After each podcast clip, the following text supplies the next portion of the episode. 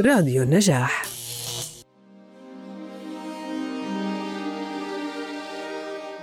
القريب.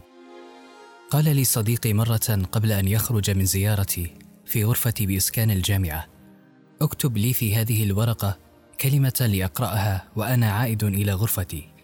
فكتبت له إنه يراك الآن. أخبرني فيما بعد أنه فوجئ بها. القريب. أتشعر بالوحشة؟ هل خذلك صديقك الحميم؟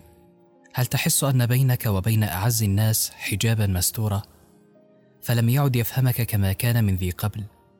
هل روحك تئن شوقا إلى حبيب تبث إليها لواعجها؟ ما رأيك أن تدع هذا الحبيب وذلك الصديق وتنصرف إلى الذي لا يجفو من أتاه مقتربا؟ الله الذي هو أقرب إليك من حبل الوريد والذي ستغدو حياتك انسا وسعادة معه له اسم عظيم موغل في الجمال مكلل بالبهاء اسم القريب.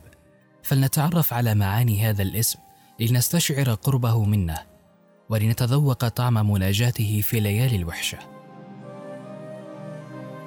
يا الله في الوقت الذي يريدك أن تعلم أنه على العرش استوى يريدك أن تتيقن أنه أقرب إليك من حبل الوريد. يسمع كلماتك ويرى أفعالك ولا تخفى عليه منك خافية.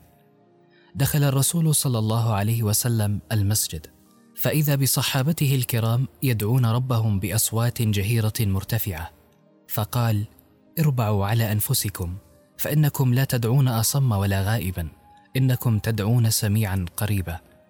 بمجرد أن ينتهي العبد من الدعاء إذ بالإجابة تلوح لأنه قريب بدرجة لا يتصورها العقل.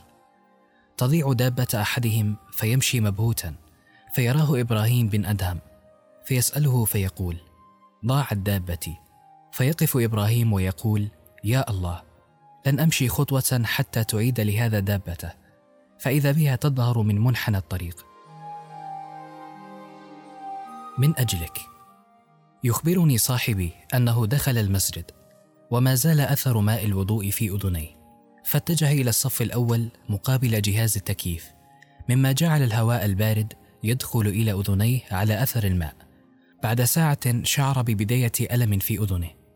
لم يفتح شفتيه وإنما قال بقلبه يا الله كان ذلك من أجلك. فإذا بالألم يرتفع هكذا بدون مقدمات وبلا تدرج. أي قرب هذا الذي يعلم معه ما تحدث به نفسك دون أن تحرك به شفتيك؟ وأقرب ما تكون إليه وأنت ساجد. تتمتم بسبحان ربي الأعلى. فإذا بالسماوات تفتح لتمتمتك وإذا بالجبار يسمعك. لا تتوهم أنه بعيد أو أنه تخفى عليه منك خافية. يخرج رسول الله صلى الله عليه وسلم في جوف الليل ويذهب ليطرق باب أبي بن كعب. فيخرج أبي فإذا برسول الله يخبره. أمرني الله أن أقرأ عليك الفاتحة. يقول أبي بذهول وسماني؟ فيقول نعم فيبكي أبي. دبيب النملة. قريب من جميع خلقه. يراهم ويحميهم. كيف يكون قيوما على خلقه لو لم يكن قريبا منهم؟ كيف يكون ربا إلا وهو قريب؟ وقربه سبحانه وتعالى قرب علم وقرب سمع وقرب بصر وقرب إحاطة لا قرب ذات. لأن ذاته العلية منزهة عن مثل هذا القرب. من قربه أنه ينزل كما صح عن نبينا محمد عليه الصلاة والسلام في الثلث الأخير من الليل إلى السماء الدنيا فيقول هل من سائل فأعطيه؟ هل من داع فأجيبه؟ هل من مستغفر فأغفر له؟ ومن قربه أنه يسمع دبيب النملة السوداء على الصفات الصماء في الليلة الظلماء. يقول تعالى وما تسقط من ورقة إلا يعلمها. تخيل عدد الأشجار ثم عدد أوراقها. تخيلها وهي تتناثر في فصل الخريف. يعلمها كلها. يعلم عددها وأشكالها وأنواعها وكل شيء يخصها. تأتي امرأة تجادل في زوجها. وعائشة رضي الله عنها في طرف البيت تقول إنها تسمع كلمة وتغيب عنها كلمة. وبعد ذلك الجدل ينزل جبريل على محمد صلى الله عليه وسلم أن قد سمع الله قول التي تجادلك في زوجها وتشتكي إلى الله والله يسمع تحاوركما إن الله سميع بصير. يا له من قرب عجيب وعلم عظيم وسمع محيط وبصر نافذ. يراك الآن. مد يدك. أمددتها؟ لقد رآها. يجب أن تؤمن بذلك. قال لي صديقي مرة قبل أن يخرج من زيارتي في غرفتي بإسكان الجامعة اكتب لي في هذه الورقة كلمة لأقرأها وأنا عائد إلى غرفتي. فكتبت له إنه يراك الآن. أخبرني فيما بعد أنه فجع بها. قربه يخيفك يجب أن يخيفك. وقربه يؤنسك يجب أن يؤنسك. وقربه يدفئك يجب أن يدفئك. وقربه يجعلك شجاعا شامخا بطلا. استمع إليه وهو يهدئ من روع موسى عليه السلام عندما أعلن خوفه من الذهاب إلى فرعون فقال له إني معكما أسمع وأرى. هذا يكفي. كونه معهما أكبر حماية لهما لأنه معهما يجب ألا يخافا من فرعون يجب أن يكونا شجاعين بطلين شامخين. ومما قرر في كتب العقيدة ان لله معيتين معية خاصة بأهل ولايته وهي معيه محبة ونصرة وتوفيق ومعية عامة لجميع خلقه وهي معيه علم وسمع وبصر وإحاطة. فكانت معيته لموسى وهارون معيه خاصة تقتضي النصرة والتوفيق. فكيف يخافان وقد وعدهم الله بنصرته وتوفيقه لهما؟ وكل من قام بما قام به موسى وهارون من الأمر بالمعروف والنهي عن المنكر على علم وهدى ستكون له معية من الله تعالى بحسب الإيمان الذي في قلبه وبحسب امتثاله لأمر ربه.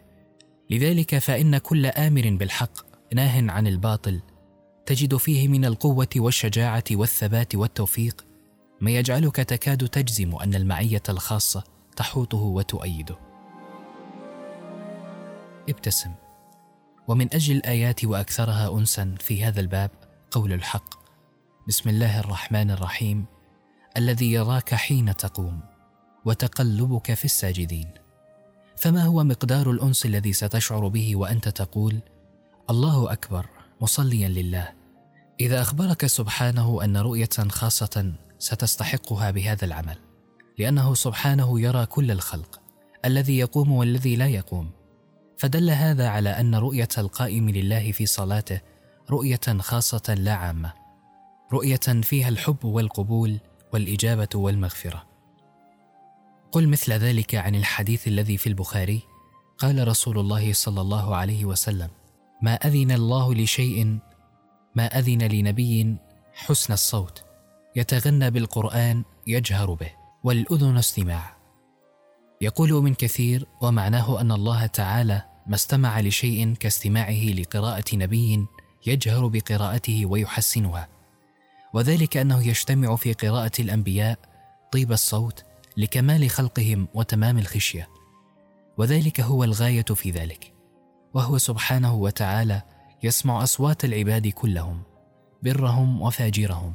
كما قالت عائشة رضي الله عنها سبحان الذي وسع سمعه الأصوات ولكن استماعه لقراءة عباده المؤمنين أعظم كما قال تعالى بسم الله الرحمن الرحيم. وما تكون في شأن وما تتلو منه من قرآن ولا تعملون من عمل إلا كنا عليكم شهودا إذ تفيضون فيه. ثم استماعه لقراءة أنبيائه أبلغ. إذا صفعتك المخاوف فابتسم وتذكر قربه منك سبحانه. فكل الأشياء التي تخاف منها ليست أقرب إليك منه وإذا التأمت حولك الخطوب فتفاءل. وشتتها بفكرة أنه أقرب إليك من حبل الوريد. مما يذكره بعض الوعاظ قديما أن أحدهم كان مسافرا في الصحراء فإذا بقاطع طريق حاملا سيفه يريد قتله. قال له خذ مالي. فقال لا أريد أن أقتلك ثم آخذ مالك. فاستأذنه في ركعتين فأذن له. قال نسيت كل القرآن ولم أذكر إلا بسم الله الرحمن الرحيم امن يجيب المضطر إذا دعاه ويكشف السوء. رددتها وما أنهيت الصلاة إلا وفارس لا أدري من أين ظهر. يضرب ذلك الرجل ضربة بسيفه يطير منها رأسه. سبحانك. إنه القريب. فقط حرك شفتيك بذكره. تتفتح أبواب السماوات لصوتك. كان يونس عليه السلام في بطن الحوت ينادي. لا إله إلا أنت سبحانك. إني كنت من الظالمين. فكان الصوت الضعيف المنطلق من الظلمات الثلاث يخترق أجواز الفضاء لتسمعه ملائكة السماوات فتقول للرب سبحانه صوت معروف من مكان غير معروف. يقول الله في الحديث القدسي من ذكرني في نفسه ذكرته في نفسي ومن ذكرني في ملأ ذكرته في ملأ خير منهم لأنه قريب فقط قل يا الله. يكون الرد بأن يذكر اسمك. ما أجل أن تتخيل أن ملك الملوك هذه اللحظة يقول اسمك. يقول عبدي فلان بن فلان ذكرني. الدنيا كلها تافهة. لا تساوي مثل هذا التخيل. وقربه هذا يزيد. فبالتوبة والإنابة والطاعات تزيد قربا منه. يقول في الحديث القدسي. إذا تقرب مني شبرا تقربت منه ذراعا. وإذا تقرب مني ذراعا تقربت منه باعا. فكل محاولة اقتراب منك إليه بالطاعة يعقبها اقتراب منك إليه بالقبول والأفضال والنعم والعطايا والهبات. وصلت إليه. ومن معاني قربه أنه يريك في كل شيء من حولك معنى يذكرك به فترى حكمته في دقة تركيب مخلوقاته وترى قدرته في رفع سماواته بلا عمد. وترى رحمته في إنزال المطر وإنبات الشجر وترى عظمته في شموخ الجبال وترى عذابه في البراكين والزلازل والكوارث. يقول تعالى بسم الله الرحمن الرحيم. سنريهم آياتنا في الآفاق وفي أنفسهم حتى يتبين لهم أنه الحق. إذا أبصرت شيئا بعينيك فبصرك يذكرك بالبصير سبحانه وإذا سمعت همسا في دجى الليالي فسمعك يذكرك بالسميع سبحانه. وإذا علمت شيئا من خفي العلم فعلمك يذكرك بالعليم سبحانه. وفي كل شيء له آية تدل على أنه الواحد. ذات مرة كنت جالسا مع مجموعة من الأبناء أحدثهم عن التفكر في خلق الله. فقال أحدهم إذا تفكرت في مخلوقاته وصلت إليه توقفت مندهشا. شعرت أن هذا الطفل يفهم هذه المعاني أكثر منا وأنه ينبغي أن يستمع إليه أكثر من أن يستمع إليه. قريبا لا تحتاج حتى تصل إليه إلا أن يخطر ببالك. أن تشعر بقربه أن تحس بأنه يراك ثم تقول يا الله. إذا سألوك بسم الله الرحمن الرحيم. وإذا سألك عبادي عني فإني قريب.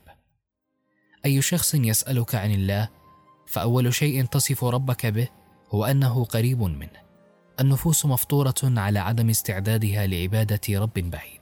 لا يسمع دعاءها ولا يرى حاجاتها. فمن أهم الصفات التي تبتدر بها الذي يريد التعرف إلى الله أن تخبره أن ربه قريب. هكذا علمك سبحانه أن تخبر عنه. وهذا القرب علاوة على أنه يجعلك تحبه وتأنس به وتخشاه. إلا أنه فوق ذلك يجعلك تدمن على استغفاره والتوبة إليه. فالقريب من جهة يستحق أن يستغفر ويتاب إليه لأنه بقربه اطلع على كل غدراتك وفجراتك. ومن جهة أخرى فهو قريب قربا يجعل استغفارك وتوبتك ناجعة. فلن يغفر لك إلا من سمع استغفارك ولن يتوب عليك إلا من علم توبتك. فهو القريب المجيب. وبعد هذا تأمل قوله سبحانه بسم الله الرحمن الرحيم. فاستغفروه ثم توبوا إليه. إن ربي قريب مجيب. ومن نوادر التعابير التي تصيبك بالحياء من القريب سبحانه قول أحدهم ألا يستحق أن تحبه؟ في اللحظة التي تغلق الباب على نفسك حتى تعصي يدخل لك الأكسجين من تحت الباب حتى لا تموت. وهذا القريب يقابله محاولة تقرب من العبد إليه سبحانه. بسم الله الرحمن الرحيم. أولئك الذين يدعون يبتغون إلى ربهم الوسيلة أيهم أقرب؟ إنه مضمار المسارعة والمسابقة والتي لا يكون قصارى رغبة العبد فيها أن يكون قريبا بل أن يكون الأقرب. من بين الأدخنة وفي أجواء المحن التي تعيشها الأمة ومن بين أدخنة الحروب المهلكة التي تمس أفئدة المؤمنين بالآواء.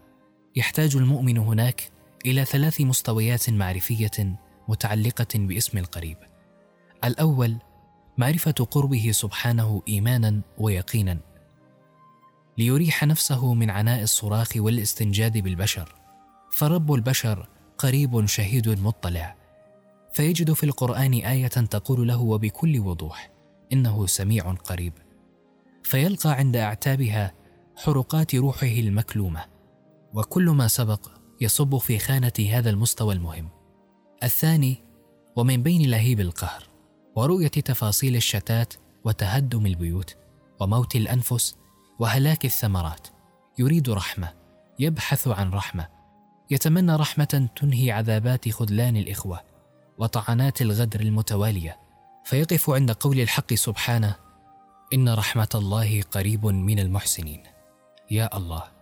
إذا ليس بين ذلك المجاهد المغوار الذي نذر روحه للجبار إلا ستار شفيف تلوح من خلفه مخايل الإحسان. فقط يحتاج أن يجاهد في الأرض بطريقة ملائكية يشعر فيها أنه يرى الله. فإن لم يكن يرى الله فإن الله يراه. فلا يطلق رصاصة إلا ولديه جواب عن لماذا وكيف ومتى أطلقها. ولا يزال العبد ينتقل من إحسان إلى إحسان وتكون في المقابل رحمة الله أقرب إليه من غيره حتى تخشاه الرحمة من كل مكان تنتزعه من أدخنة الموت إلى سحائب الرضا. الثالث وتطول الأيام وتتوالى الزفرات وتشتد البلاءات ويحكم الحصار من كل مكان. وعند ذلك تطل روح المجاهد على آية ثالثة يقول فيها الحق. بسم الله الرحمن الرحيم. ألا إن نصر الله قريب. فكما أنه قريب سبحانه من عباده وكما أن رحمته أيضا قريبة من المحسنين منهم. يأتي النصر القريب من جند الله وإن جندنا لهم الغالبون. فيربط الله بذلك على قلوب أضناها الانتظار وأرهقها الاصطبار.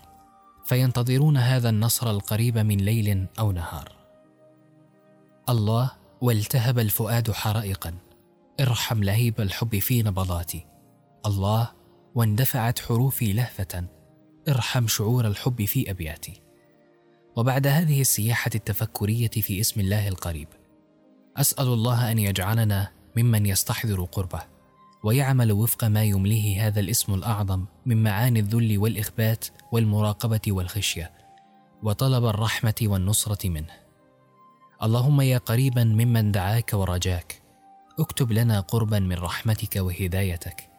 قربا تؤنسنا به وتذهب عن أرواحنا وعثائها وتدخلنا به الجنة. الخاتمة. وبعد فقد عرفت شيئا عن بعض أسمائه فعليك أن تتزود بمعرفة المزيد عنها وعن غيرها وأن تجعلها نبراس حياتك وهداية قلبك ونور أيامك لتحوز على سعادة الدنيا والآخرة. ولي رجاء.